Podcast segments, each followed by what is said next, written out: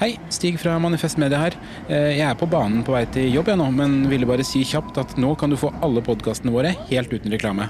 Gå inn på manifestmedia.no og bli abonnent for 99 kroner i måneden. Gir du 199 eller mer, så kan du også få tilsendt vårt unike supporterskjerf i posten. Du kan også vippse valgfritt beløp til 792646. Tusen takk for din støtte. Å drive en bedrift uten regnskapsprogrammet TrippelTex er litt som å drive et bilverksted uten trykkluftverktøy. Det funker jo med hjulkryss og fastnøkler også, det er bare mye mer tungvint. Med TrippelTex kan du stole på at du har riktig verktøy til regnskapsjobben. Prøv gratis på TrippelTex.no.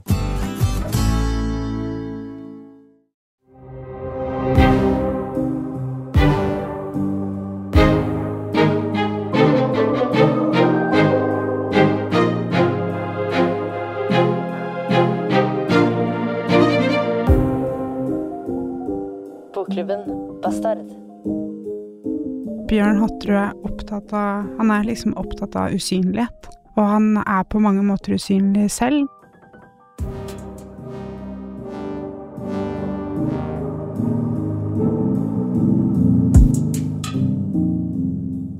Det er mange som har lurt på hva som skjedde med bokklubben Bastard. Det er mange som har spurt meg, i hvert fall. Jeg vet ikke med, med dere to andre her, men mange som har spurt ja, kommer det noe mer? Hva er det som skjedde for noe? Eh, gikk dere tomme for bøker å snakke om? Har dere blitt uvenner? Og nå kan jeg jo i hvert fall røpe da, at det blir en ny sesong. Den starter i dag. Og det er fortsatt eh, Johan Shamigaratnam og Maria Navarro Skaranger og Zishan Shaker som er klubbmedlemmene i denne klubben. Det høres litt ut som vi er med en MC-klubb. Vi er en eksklusiv klubb. Vi tar ikke opp nye medlemmer. Nei, på ingen måte. Det er ikke en MC-klubb, det er fortsatt en bokklubb. Eh, og det er jo kjempelenge siden vi har møtt hverandre nå, og jeg lurer litt på, Zishan, om du har savna oss andre? Jeg har savna dere masse. Og så har jeg savna å, å lese bøker og snakke med noen om de bøkene, for jeg sitter aleine og leser masse.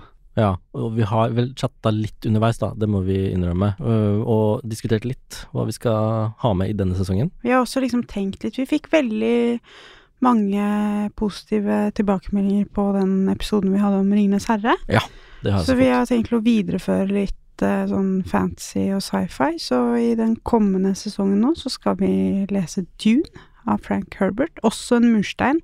700-800 sider. Det blir spennende. Skal vi til høylitteraturen og nobelprisvinneren Annie Ernaux? Og selvfølgelig masse, masse andre bøker som øh, vi gleder oss til å snakke om. Men i dag så skal vi snakke om en bok som heter Blokka på Bjerke av Bjørn Hatterud. Vi skal snakke om blokker, vi skal snakke om såkalt gentrifisering, som vi skal forklare litt etterpå. Eh, men vi skal også snakke om klasse og tilhørighet. Og Zishan, det var jo du som valgte denne boka, så jeg tenkte kanskje du kunne få lov til å presentere den først. Ja, altså tenkte jeg skulle si bitte litt om, om forfatteren først. Ja. Um, Bjørn Hatterød, han har han har gitt ut flere bøker. Ikke Mm. sånn kjempemange i hvert fall, men han um, Jeg tror det er tredje boka, Dette er tredje boka. Ja. Mm. Og han ble jo, hva skal man si, mer allmennkjent i 2020, uh, da han ga ut boka 'Mjøsa rundt med mor', Um, som er en slags sånn reiseskildring blanda av en, blanda med en oppveksthistorie. Og da vant han Kritikerprisen, Mm. og Fritt Ords pris, vel, for den, hvis jeg ikke tar veldig feil. Um, og Bjørn Hatterød, han er 46 år. Han har ryggmargsbrokk og klumpfot. Mm. Og grunnen til at jeg tar opp det nå, er at det har, det har eh, en relevans for den boka vi, vi skal snakke om. Ja, absolutt. Eh, Han kommer litt tilbake til det. Og han er en Han, ifølge seg sjøl i hvert fall, så er han en mann som liker liksom det litt sånn Det litt merkelig, på en måte. Det er litt sånn odde og slitte og gamle. Mm. Eh, og nå er han her, da, med boka 'Blokka på Bjerke', 13 år i tredje etasje. Og som tittelen spiller på, så er det en historie egentlig om de årene han har bodd der. Fordi nå skal han flytte, som jeg var inne på. Han Mm. har eh, ganske store helseproblemer. Han sier et sted at han, han eldes på linje med foreldra sine, som er liksom 25-30 år eldre enn han. Ja. Eh, og den leiligheten han bor i, den er rett og slett ikke tilpassa helsa hans. Mm. Så han og samboeren, de skal ut på visninger. Så den blokka her, som er en sånn Det er en jeg-form, er egentlig en beretning om, om livet i den blokka, om byutvikling, stedshistorie, eh, og ikke minst de to eldre naboene, eh, Ester og Bjarne. Ja, det er ganske mye om, om eh, de to. Det er veldig mye om Særlig dem. Bjarne, kanskje. Ja, og Ester da, som er en fattigjente fra Langøyene, Mm. eh, og Bjarne som er en tidligere krigsseiler, to av naboene hans. Og boka er både en historie om dem og, og Bjørn Hatterud sjøl, men også en slags sånn ja, så en lang avskjed med blokka. Og, og litt en sånn kjærlighetserklæring til, til den blokka, Ja. egentlig. Den er veldig personlig og veldig oppriktig, og han skriver veldig nøkternt. Mm. Det er jo noe av det han er litt sånn um, kjent for, den stilen hans, som uh, han bruker mye i den forrige boka som vi snakka litt om nå, Mjøsa rundt med mor. Um, ja, det er jo den litt sånn derre den er, Det er veldig nøktern, uh, nøktern stil. uh, uh, ikke pretensiøs i det hele tatt, og veldig sånn direkte. Det er ikke noe sånn Det er ikke noe hemmelig her. Det er ikke noe sånn derre uh, Mystisk. Det er ikke noe mystisk. Det er ikke sånn hva er, hva er, det et skjult budskap her, eller noe? Det er veldig sånn Ja, det er veldig åpent og, og, og fint, egentlig. Mm. Noen ganger blir han mer analytisk, Ja. men da er han også veldig tydelig på at han blir mer analytisk. Ja. Så det er jo ganske sånn transparent. Det er det. Og det er hele tiden med utgangspunkt i de menneskene, kanskje, rundt han. Eh, Bjarne, Ester Det er også en psykiater, en gammel, gammel psykiater som er sånn nesten Professor 100 år. Dahl. Professor Dahl, Mm. som behandler folk Jeg tror han, han ble omkalt Ja, som, ja, ja, omtalt som eh, hjernelegen eller et eller annet sånt. Mm. Men så da begynte Hatterud å lure på om driver han med sånn hjernekirurgi inne i leiligheten der, men det er selvfølgelig en psykiater, da. Så folk eh, Han hadde møtt eh, Wilhelm Reich, blant annet, da. Han eh, kjente østerrikske Mm. psykoanalytikeren, eh, og så videre. Ja. Altså, det er jo en Det er jo en veldig sånn Jeg tror det ordet jeg ville brukt her, kanskje. Det er en veldig koselig bok. Ja. Og det er en bok sånn for, for min del er også en sånn Den har mange scener hvor man på en måte sitter i en stue og ser Groruddalen ut fra et vindu i en blokk. Mm. Som jeg kan si, relatere veldig til. Det er en sånn type nostalgi jeg kan ha en hang til sjøl. Og samtidig er den jo, for å handle om Groruddalen, så er den jo veldig lite eh, kontroversiell, på en måte. Mm. Og det er jo, det er, det er jo fint. Men, men kanskje også noen ganger så er det jo ja, Altså, det er, det er ikke en veldig Det er ikke et sånn veldig utforskende blikk nødvendigvis utover selve blokka. Det er en del sånn beskrivelser av historien og sånn. Men jeg så noe som Knut Hoem eh, i NRK, han Mm. anmelder bøker i NRK, han skrev om denne boka, og da skrev han her er det mange minoritetserfaringer som kommer sammen på en gang. Han er klassereisende homo med funksjonsnedsettelse, som attpåtil skriver på nynorsk, utropstegn. Men det, kommer, men det som kommer ut i andre enden, er majoritetens historie, Ja. skriver Knut Hoem. Mm. Og det er jo kanskje noe som slo meg når jeg leste den boka òg, som henger litt sammen med at de to uh, bikarakterene som vi får bli best kjent med, er jo nettopp uh, de to eldre menneskene. Ja. Ester og Bjarne. Mm. Og det er, når jeg leste den, en eller annen slags sånn følelse for meg at det er en slags sånn En mangel på nåtid, hvis du skjønner. Altså, den, den Groruddalen han beskriver, kjenner jeg igjen. Men den føles heller ikke som den Groruddalen jeg vokste opp i. Fordi den Groruddalen jeg vokste opp i, var ganske ung. Mm. Og den var ganske sånn vital, og den var ganske minoritets...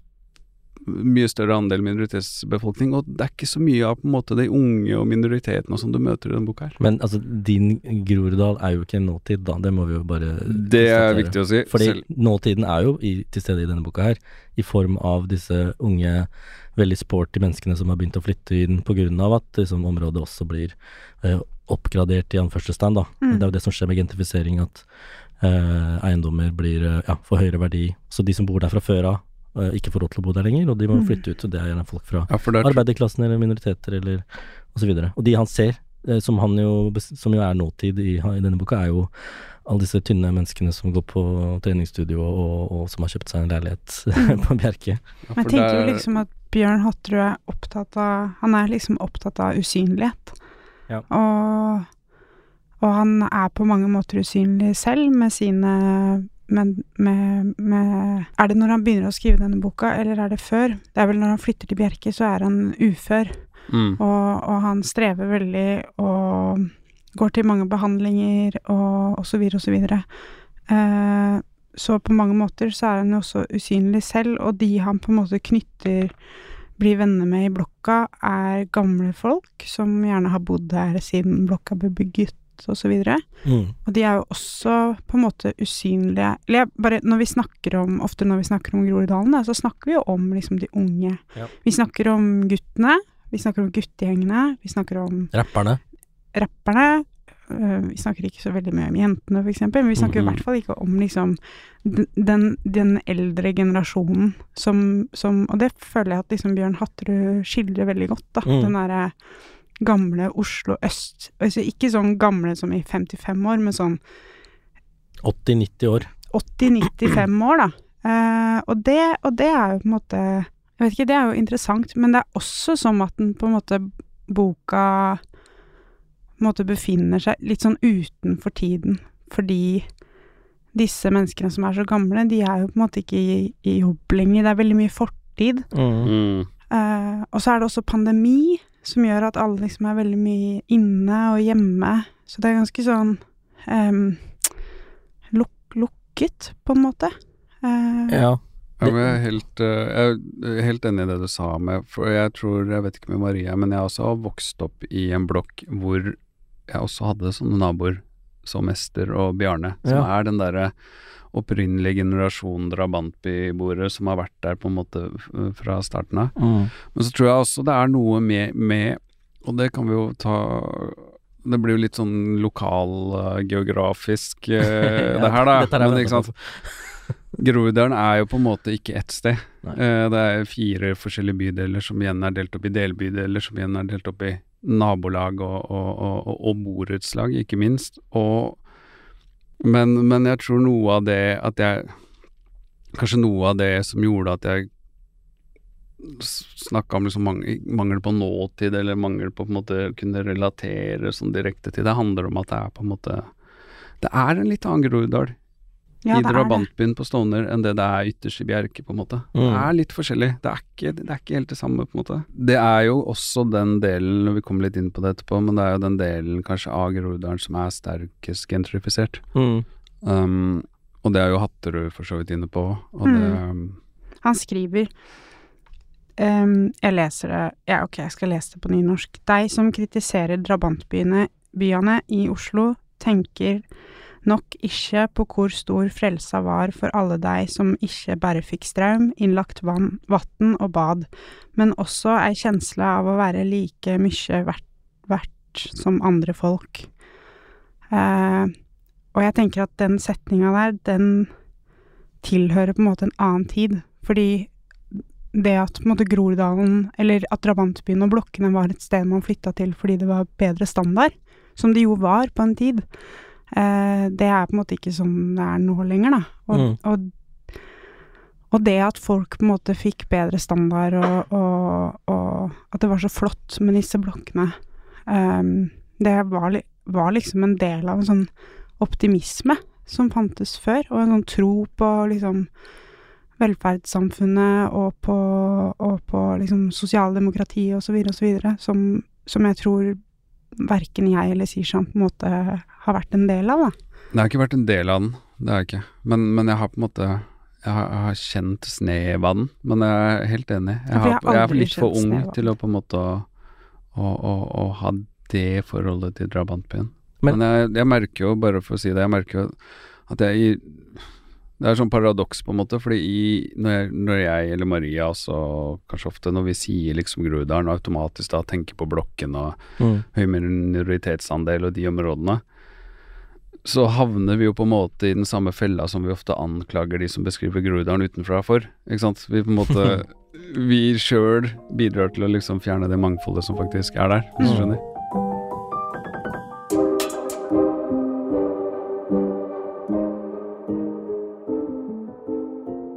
Jeg jeg har litt lyst til å snakke om det at han Bjørn Hatterud kommer utenfra og flytter inn eh, og beskriver et sted ehm, eh, veldig personlig og nært Mm. eh, gjennom de menneskene som ikke bare bor der, men som har bodd der eh, ja, hele livet. Um, og, og det og det er på en måte en vanskelig ting å gjøre. Mm. Eh, fordi folk som bor på et sted, eh, er jo veldig vare på sånn hvordan utenforstående beskriver det stedet. Vi veit alle liksom eh, Du kan jo si eh, masse dritt om hjemstedet ditt, men det øyeblikket det kommer noen fra nabobygda eh, og slenger dritt, så er man den første til å forsvare hjemstedet sitt. Sånn er det jo bare. Eh, og Hatterud gjør jo ikke noe av det i denne boka. Han gjør et veldig sympatisk forsøk på å beskrive det nærmiljøet han, eh, han er i. Um, uh, syns dere det funker? Dere, eller, eller sitter dere og lurer på Dere snakker jo litt om at det, det er ikke på en måte deres oppvekst, men det er jo ikke den oppveksten Det er ikke den virkeligheten han prøver å beskrive heller. Jeg syns jo det er en Det er en interessant diskusjon av hvem som har lov til å fortelle noens historie. På en Mm. måte, Så må jeg si sånn Jeg er helt enig i det du sa. Og for Groruddalen, kanskje særskilt, har det vært sånn at det kommer folk utenfra Mm. Og skal fortelle en eller annen historie på, på, på vegne av, da. Og da ofte gjerne liksom politikere eller medier og sånn. Det har vært Da jeg vokste opp, så var det på en måte en sånn gjennomgang, så vi er veldig, veldig vare på det. Ja. Altså mer, tror jeg, enn det man kanskje er andre steder. Og så har jeg blitt med årene blitt litt mer avslappa på at andre folk forteller vår historie, Ja. i hermetegn. Og det henger egentlig med sammen med at det er mange flere av oss selv nå som har fortalt historiene. Mm. Ikke sant? Og da jeg var ung, altså det er sånn vanskelig å se for seg nesten nå, for det føles som det har kommet så sykt mye historier fra Groruddalen. Men da jeg vokste opp, fram til jeg var liksom godt ute i 20-årene, fantes det omtrent ikke ett skjønnlitterært verk som handla om Groruddalen, eller en teaterforestilling, eller en film, eller altså det var ingenting. Det var bare de historiene som kom utenfra i mediene som fantes. Ja. Men ikke sant, det er klart i det øyeblikket man begynner å kunne fortelle flere av de historiene selv, så har jeg blitt litt mer avslappa på, på at andre gjør det òg. Så tenker jeg som Bjørn Hatterød, han har bodd 13 år der. Han må for faen kunne få lov til å fortelle en historie om de 13 årene. Mm. Når du har bodd så lenge der. Vi snakker ikke om ett år eller liksom to engang. Altså han har bodd der i, i, i et tenåringsliv, holdt jeg på å si. Mm, mm. Jeg tenker det det må han kunne få lov til, og det syns jeg han gjør på en måte Med de forutsetningene han har, så gjør han det Mm. på, på en sympatisk måte, liksom. Og Ja. på, på en ordentlig måte. Han forteller jo på en måte Ja, om et eh, Jeg tenker på en måte at han nesten forteller en historie om, om Oslo som var, da. Og de menneskene som var, og som er på vei ut fordi de er veldig gamle. Og det er jo veldig interessant. Jeg vet veldig lite Kjenner ikke så veldig mange mennesker som er så gamle, og som har de erfaringene de har, og hvordan liksom vaskesystemet systemet i blokka funka før, og hvordan hun ene som heter Ester, eh, vasket klærne sine, og hva hun var opptatt av, og, og sånne ting, som er liksom noe eh, jeg ikke er opptatt av, eller noe sånt. Jeg syns, eh, jeg syns det funker veldig fint, og han er veldig liksom Han er jo ikke dømmende, han er liksom bare interessert og nysgjerrig, men ikke på en sånn eksotiserende måte. Han er liksom opptatt av det mellommenneskelige og knytte bånd til Mm. disse menneskene. Det med å fortelle liksom noen andre sin historie, så tenker jeg sånn det, En av de viktigste tinga du kan gjøre, er på en måte å ikke framstå som en verdensmester, men liksom ta forbehold om alt det du ikke veit. Men Ja. du har jo Altså, du har jo gjort det her mange andre ganger som, som journalist, liksom. Ja, eh, som journalist, men så har jeg også tenkt at eh, jeg har jo egentlig gjort det hele livet. Ikke sant? Jeg ble født i Sri Lanka, Mm. så var jeg tre år da vi flytta til Japan. Det er et fremmed eh, stort rom, liksom, som jeg måtte eh, lære meg å manøvrere i. Uh, og jeg var bare på besøk der, på en måte, selv om moren min er derfra. Eh, også til Norge da jeg var seks år. Kom til Ås kommune. Enda et nytt eh, fremmedrom som jeg må liksom skjønne. Eh, så jeg, jeg er jo Jeg kjenner meg veldig godt igjen i innflytterens tilværelse. Mm. Eh, være den som prøver å skildre et eller annet litt fra utsiden, men også litt fra innsida. Så, så jeg føler at jeg gjør det liksom hver dag. Eh, jeg gjorde det helt konkret med en bok jeg skrev om en by i England eh, sammen med fotografen Line Ørnes Søndegård. Eh, det var den byen som størst andel stemte for brexit, da. Og da Vi var jo der mange ganger, og ble kjent med de som bodde der, og hang og dro på karaokebar og bilopphuggeri og bingoen og ja, diskotek og ja. Vi liksom ble kjent med stedet så godt vi kunne, og folka som bodde der. Og så fortalte vi historien om om, om det stedet, da. Mm. Og vi er jo ikke fra det landet engang, liksom. Så, så det kan jo hende at liksom er, De som har vært involvert eh, og skildrer boka, eh, har sagt at de kjenner seg veldig igjen, og at dette er veldig presist osv. Så, videre, så så vi er veldig trygge på det, da. Men, men det er på en måte ikke gitt at, at eh, folk eh, syns det, eller, eller digger det. Men eh, ja. Nei, jeg, for meg er det sånn type sånn menneskelig eh, realitet at uh, uh, ja. Eh, Jeg tror jeg kommer til å ha den posisjonen Mm. egentlig hele livet, da. Tror jeg. Men, og, og jeg prøver bare å bruke det til noe bra. Ja, får ikke vi alle det stort sett, i det øyeblikket man på en måte flytter fra sitt barndomshjem på Jo. en eller annen måte? Ja, ja. Så, så, så gjør man jo nesten det. Også flytte, hvis man da flytter hjem igjen, hvis jeg hadde flytta hjem til Ås, Mm. så er jeg helt sikker på at jeg hadde fått den samme følelsen da. Fordi at ting har blitt så forandra. Mm. Masse nye bygninger og leiligheter og nye folk og ja. Altså det er jo ikke det, er jo ikke det Ås som jeg vokste opp i. Men igjen, Bjørn Hatterud har jo bodd på dette stedet i 13 år og føler veldig liksom kjærlighet til det og de menneskene som bor der og eh, ja. Men jeg også kjenner på det når jeg leser boka hans, at jeg på en måte n- Litt av det som står som sånn anmelder og sånt har skrevet, det er mye sånn derre dette, Dette var Du nevnte ordet koselig i stad, Mm. sånn Dette var litt sånn sjarmerende, eller Mm. de, de litt rare menneskene og sånt. Men jeg på en måte leser boka til Hatterud og, og liksom eh, føler meg mye hjemme også, i det han på en måte Han har noen skildringer av å gå inne på liksom Linderud senter Mm. og sånt, Mm. så det er liksom Men, jeg, men det, for meg så er det så mye hverdag at eh, Og jeg er så vant til på en måte Vant til disse stedene at for meg så på en måte ville aldri brukt et ord som sjarmerende, da. Eller sånn. Om Linderud senter? Nei, eller- Men, det men jeg, jeg føler meg på en måte veldig hjemme. Det er veldig ekte. Eller sånn Det gir Ja. meg en god følelse, da. Men, eh, men og, og, Ja, for jeg tenker bare For jeg også tenker Den er jeg helt enig i, men jeg var mer koselig i den forstand. Det er koselig på litt en sånn På en nostalgisk måte, da, som Jan var inne på. Det er Ja. koselig fordi jeg kan se for meg meg selv sitte foran et vindu i en blokk, som jeg nevnte, ikke sant, og Mm. se ut, og så vet jeg hvordan det ser ut, og så husker jeg at det var liksom Da fant jeg kanelboller i ovnen hjemme Altså, skjønner du hva jeg mener? Det er sånn koselig. Mm. Som egentlig bare er en form for nostalgi. Koselig, tror jeg. Vi har jo snakka en del om eh, hvordan disse stedene blir forandra. Eh, det, altså, dette ordet gentrifisering, som jo er et veldig skremmende ord, men, men det betyr jo ganske enkelt at de som bor, bor på dette stedet, eh, blir tvunget til å flytte av økonomiske årsaker, fordi stedet endrer seg. Eh, og, og, og det er vel det Hatterud beskriver på Bjerke, men hvordan er det der dere kommer fra? Stovner og Romsås, vet dere hvordan hvordan ser det ut der nå, liksom? Er det likt, eller er det annerledes, eller? Skal jeg ta Stovner først, for der har det vel Der har det skjedd ganske mye. Ja. For det har vært sånn ulike områdeløft og sånn. Senteret har vært gjennom en makeover og nytt bibliotek, og det er ganske materielt og estetisk annerledes. Deler av det er det. Deler av det er det.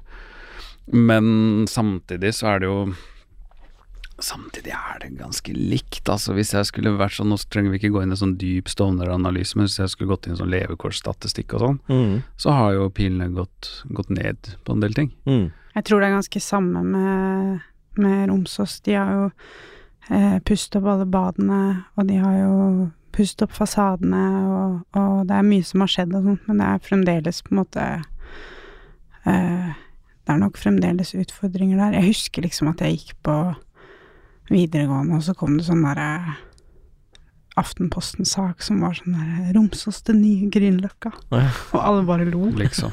Eh, Det kommer aldri til å skje, men det var jo noen som trodde det skulle skje, da. Men det er jo for langt unna sentrum til Ja. at det kan bli Det, som, nye Løkka. det er akkurat det, og det er på en måte ikke sant, Groruddalen, stor utfordring. Ikke sant? Nå sier jeg Groruddalen igjen og tenker på drabantbyområdene spesielt, Mm. spesielt, og særlig litt den indre delen av drabantby. Nordøst. Ja. er jo, ikke sant, er jo den der som, som, man, som man jo så veit, er jo den opphopinga av folk med ulike liksom, levekårsproblemer, og de, de problemene den opphopinga skaper, og de er jo der fortsatt. Samme om fasaden er ny, eller senteret har fått et par nye spisesteder, på en måte. Ja, og så er det jo litt det Maria sa. Jeg synes det, er jævlig, det som er interessant med Groruddalen, er at den delvis har blitt ganske gentrifisert. Altså Deler av den har det Du kan igjen, da, nå skal vi dykke ned i liksom Oslo øst, eh, lokal, lokalkunnskap, holdt jeg på å si, men du kan se det langs linje to. Særlig de områdene liksom Tveita og sånn, de som er nærmest byen. Nå snakker vi om T-bane linje 2. T-banens linje I 2 Oslo. Ellingsråsen. Mm. Eh, og så kan du se det på linje 5, som går på den nordlige siden av byen. Der ser du de områdene som er særlig nærmest byen. Eh, I størst grad er de som vel kan kalles gentrifisert. Og så er det en annen faktor som du kan følge gentrifiseringa i den nordlige delen av Groruddalen, som er ganske interessant. Skogen. Det er skauen. Ja. Hvis du er nærme skauen, så er det en mye større sjanse for at eh, området har blitt gentrifisert. Aha. Bortsett fra Romsås, som er utrolig nærme skauen, men utrolig langt unna gentrifisering. I hvert fall foreløpig. Mm. Eh, så det er litt sånn du kan se deler av, av Bjerke spesielt, Tonsenhagen, Rødtvet, deler av Ammerud. Ammerud eksempel består av villastrøk og atriumshus, Ja. som er kjempedyrt. Og så har du på en måte blokkene og sånt, som er eh, ikke dyrt i det hele tatt. Altså alt er jo dyrt i Oslo, da, men det er en veldig, veldig, veldig jeg, jeg vil påstå at det er et stort klasseskille på eksempel et sted som Ammerud. Ja. Ja.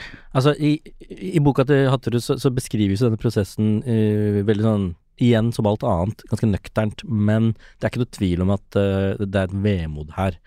Uh, det er et eller annet som forsvinner. Menneskene forsvinner jo helt fysisk også. Um, og, og, og stedene Stedet blir forandra. og, og, jeg vil jo også spørre kanskje om Hva er det vi dyrker? Hva er det vi tviholder på når vi liksom eh, er, ofte er kritiske til sånne prosesser da, som gentrifisering er. Og er det egentlig sånn at eh, burde det faktisk skje noen steder? Er det noen steder som burde forandres? Det er jo liksom Det er jo uunngåelig på et eller annet nivå. Så jeg har liksom to Jeg syns det, det der er et godt spørsmål, og jeg følger hele samtalen her, og hver gang det er en samtale om gentrifisering, så ilegger man det begrepet nesten utelukkende en negativ betydning. Mm. Nesten utelukkende, ikke sant. Så her på, på den ene sida så har jeg lyst til å si på en måte at altså gentrifisering og bevare Hvis motsatsen er å bevare det som er, Ja. som ofte, ofte er motsatsen, ikke sant, for her kommer gentrifiseringa og forandrer alt. Mm. Hvis motsatsen er å bevare det som er, så altså jeg vil jo ikke Jeg vil ikke at, noen, at folk på Stovner liksom skal være noens kulisse. Mm. Eller noens liksom egoistiske nostalgi, på en måte. Altså jeg vil ha velstand der. Altså jeg vil ikke Jeg vil ha den samme velstand der som jeg ser andre steder i byen. Altså om du vil bevare fortida, ta et bilde, da. Ja. Ikke sant? Øh, Og husk fortida, ikke husk den gjennom vedvarende forfall og fattigdom, liksom. Det er, skjønner du hva jeg mener? Jo, jo, jo. Det er en romantisering av, eh, av Nettopp. Og, ikke sant? Men samtidig så er det jo sånn, for det jeg og kompisene mine ofte har snakka om, er sånn jo, men det, det, ikke sant, det Stovner trenger, er om Universitetet i Oslo hadde flytta et av fakultetene sine ut til, til Stovner, liksom. Mm. Eller at en stor statlig arbeidsplass hadde flytta ut. Mm. Og, og vi sier jo det, men da må man jo også ta inn over seg at det betyr at, at noe må vike, da. Så jeg har liksom delt på det, fordi gentrifisering betyr jo uunngåelig at noe må vike for noe nytt. Ja. Og vi vil ha det velstandsløftet, men samtidig når jeg har blitt eldre, så har jeg fått, fått litt mer forståelse for sånne ord som på en måte egenart Mhm. og sjel. Ja, ja, ja. Skjønner du hva jeg mener? ja, ja. Og det, det er jo, så det er åpenbart ikke ett godt svar, men jeg er ikke i den campen som på en måte nødvendigvis ser på gentrifisering som alltid et skjellsord, altså. Mm. Skulle, ville du lese noe fra Det er bare Bjørn Bjørn eh, Hatterud er jo inne på akkurat det her sjøl, fordi han, han sier han sier blant annet, ikke sant, han sier at han gleder seg over innflyttinga av de mange unge og veltilpassa.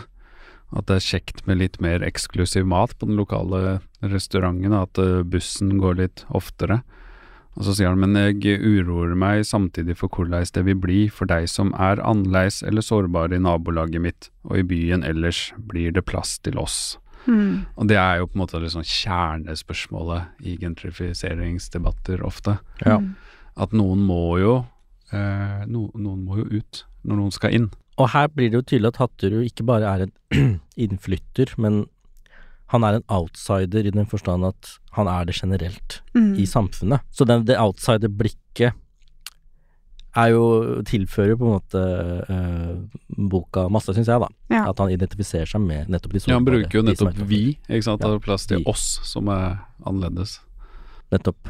Så det er ikke sikkert at øh, en veldig sånn en, en annen person, da, eh, fra kultursektoren ville skrevet eh, boka på den måten.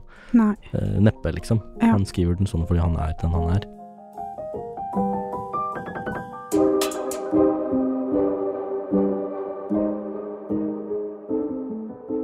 Men nå har vi jo nerda ganske lenge i Oslo og, og Groruddalen, men eh, jeg syns jo på en måte at boka har masse i seg som er eh, på en måte større og mer universelt også. Vi har vært inne på det, som, og det handler om tilhørighet og uh, identitet og sånn. Uh, og jeg bare leste litt i den forrige boka til Hatterud, 'Mjøsa rundt med mor', som jo handler om at han kjører rundt Mjøsa med moren sin, uh, mens de snakker om ja, fort- fortida og oppveksten hans, men også stedet og, og menneskene som bor der. Og der skriver han et sted at ja, man slipper liksom ikke unna det at en del av identiteten vår er bundet til et sted. Så skriver han en ein identitet vi flykter fra, tilpasser oss eller går inn og ut av. Eh, og så tenker vi kanskje at dette er noe lokalt, men så er det på en måte eh, egentlig globalt. Jeg tenkte på et eller annet faren min sa her om dagen. Altså, han har Han flytta fra Sri Lanka i 1982. Eh, han har bare bodd i utlandet siden da. Først i Japan og så i, i, i Norge. Og vi snakka mye om røtter og sånn. Og han har jo et mye mindre sentimentalt forhold til røtter enn det jeg har, merker jeg når jeg snakker med han. I hvert fall tilsynelatende, da. Eh, og så sa han en dag Kanskje et rotløst menneske på mange måter kan være mer helt enn andre. Sa faren din det? Ja. Det, det, det var en veldig var fin fint. tanke, for det blir jo alltid framstilt motsatt, på en måte. Altså litteraturen er jo bygd på det rotløse menneskets ja, eh, jakt etter, Mm. etter seg selv.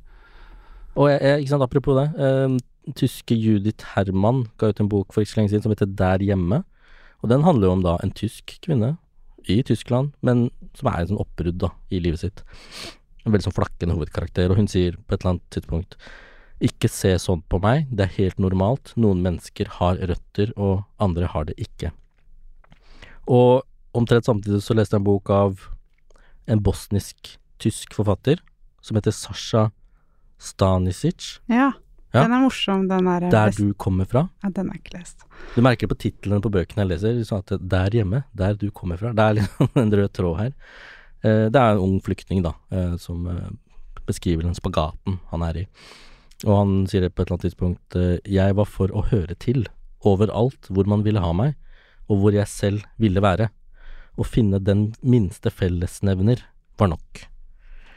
Og det tror jeg liksom.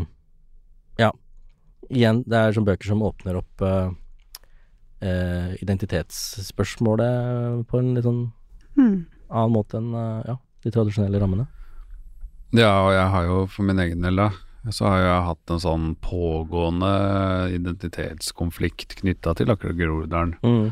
Omtrent fra jeg flytta derfra for alvor, og så gjorde jeg litt comeback og sånn, men sånn Jeg gjorde comeback på vestlig ytterst, ytterst i Groruddalen. Det er så Groruddalen som du får det, liksom. Men uh, og så har, jeg- har jeg hatt en sånn pågående identitetskonflikt, og jeg har liksom vært sånn, jo, men Det tror jeg har landa på, er at på et eller annet tidspunkt så er på en måte identitet og tilhørighet er ikke noe som kan måles i hvor ofte jeg er i Groruddalen nå, hvor mange timer jeg tilbringer der og der med den og den, hvor mange av mine gamle venner jeg tilbringer så og så mye tid med kontra de jeg bor med nå.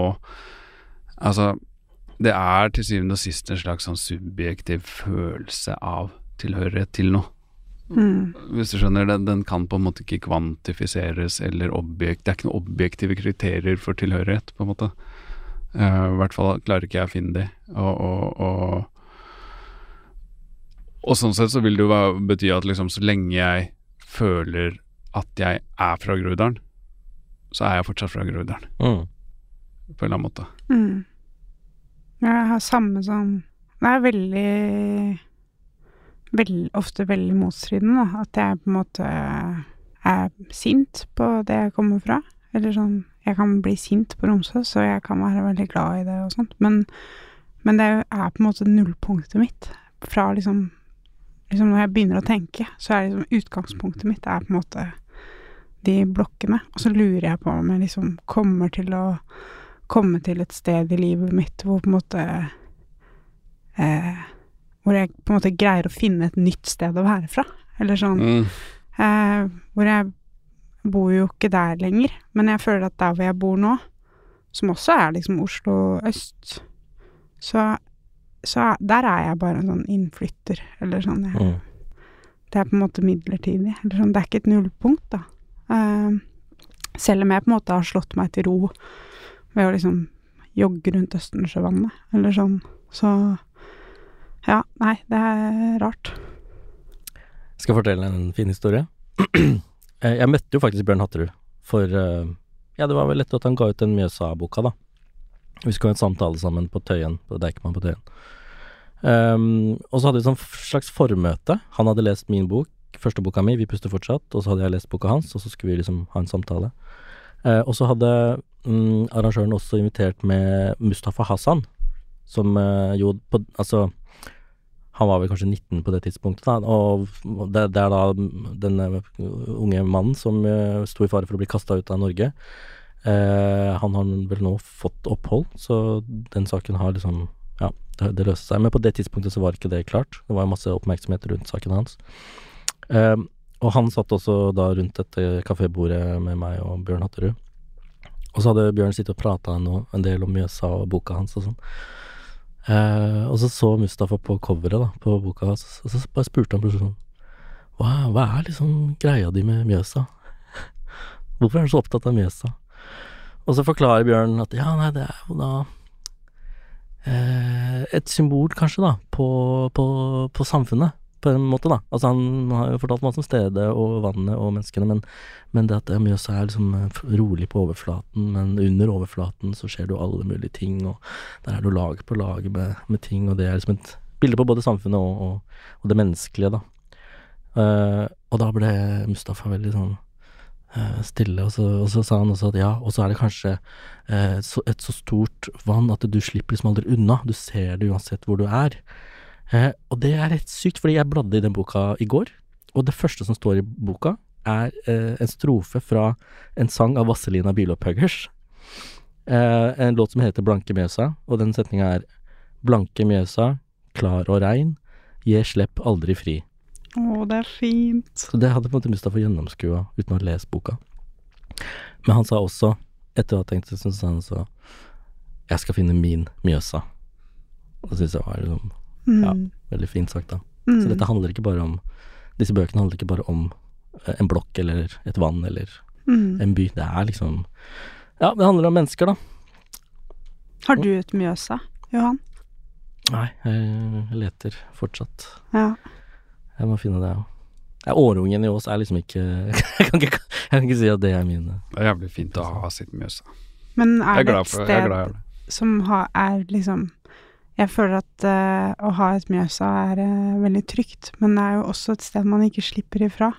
Så det er jo både og, da. mm, du, du blir bundet til disse stedene her, uh, enten man vil eller ikke. Sånn er det bare. Um, vi går vel mot slutten. Sirshan, du eh, Kanskje du vil lese litt mer fra boka? Jeg tenkte jeg skulle lese litt fra avslutninga av boka. Så er det jo, det skal sies, da, uten å spoile boka, men jeg spoiler den likevel, for han skal jo Han flytter jo, han uh, Bjørn.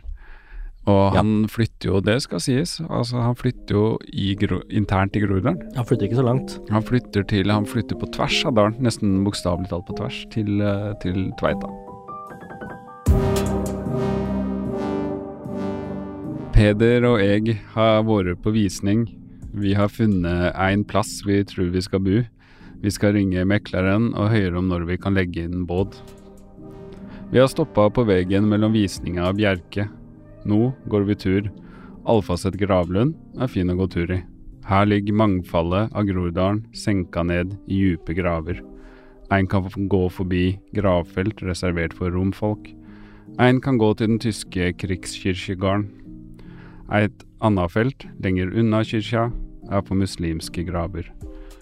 I vår møtte vi to rådyr da vi gikk tur her.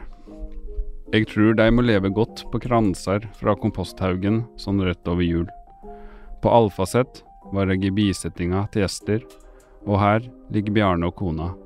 De ligger stille, mens Peder og jeg går videre.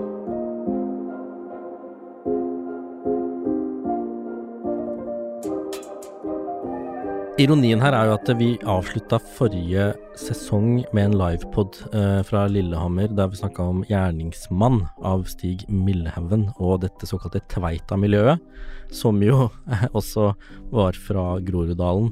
Eh, og så starter vi andre sesong med å snakke om Bjerke, sånn som vi har gjort nå. Det er ca. fem kilometer unna Tveita. Og artig nok så slutter jo også egentlig denne eh, reisen, da. Tilbake i Tveita. så vi har gjort eh, ja, en eh, ja, hel, eh, hel reise her. Neste uke skal vi snakke om en annen liten tynn bok. Det er en bok av Annie Ernaux som heter Skammen. Vi ses.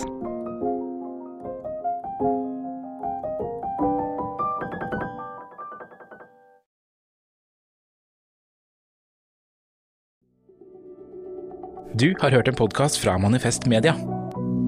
Vi er folkefinansiert og avhengig av din støtte. Gå inn på manifestmedia.no og bli supporter, eller vips valgfritt beløp til 79 26 46. Ansvarlig redaktør er Magnus Marsdal.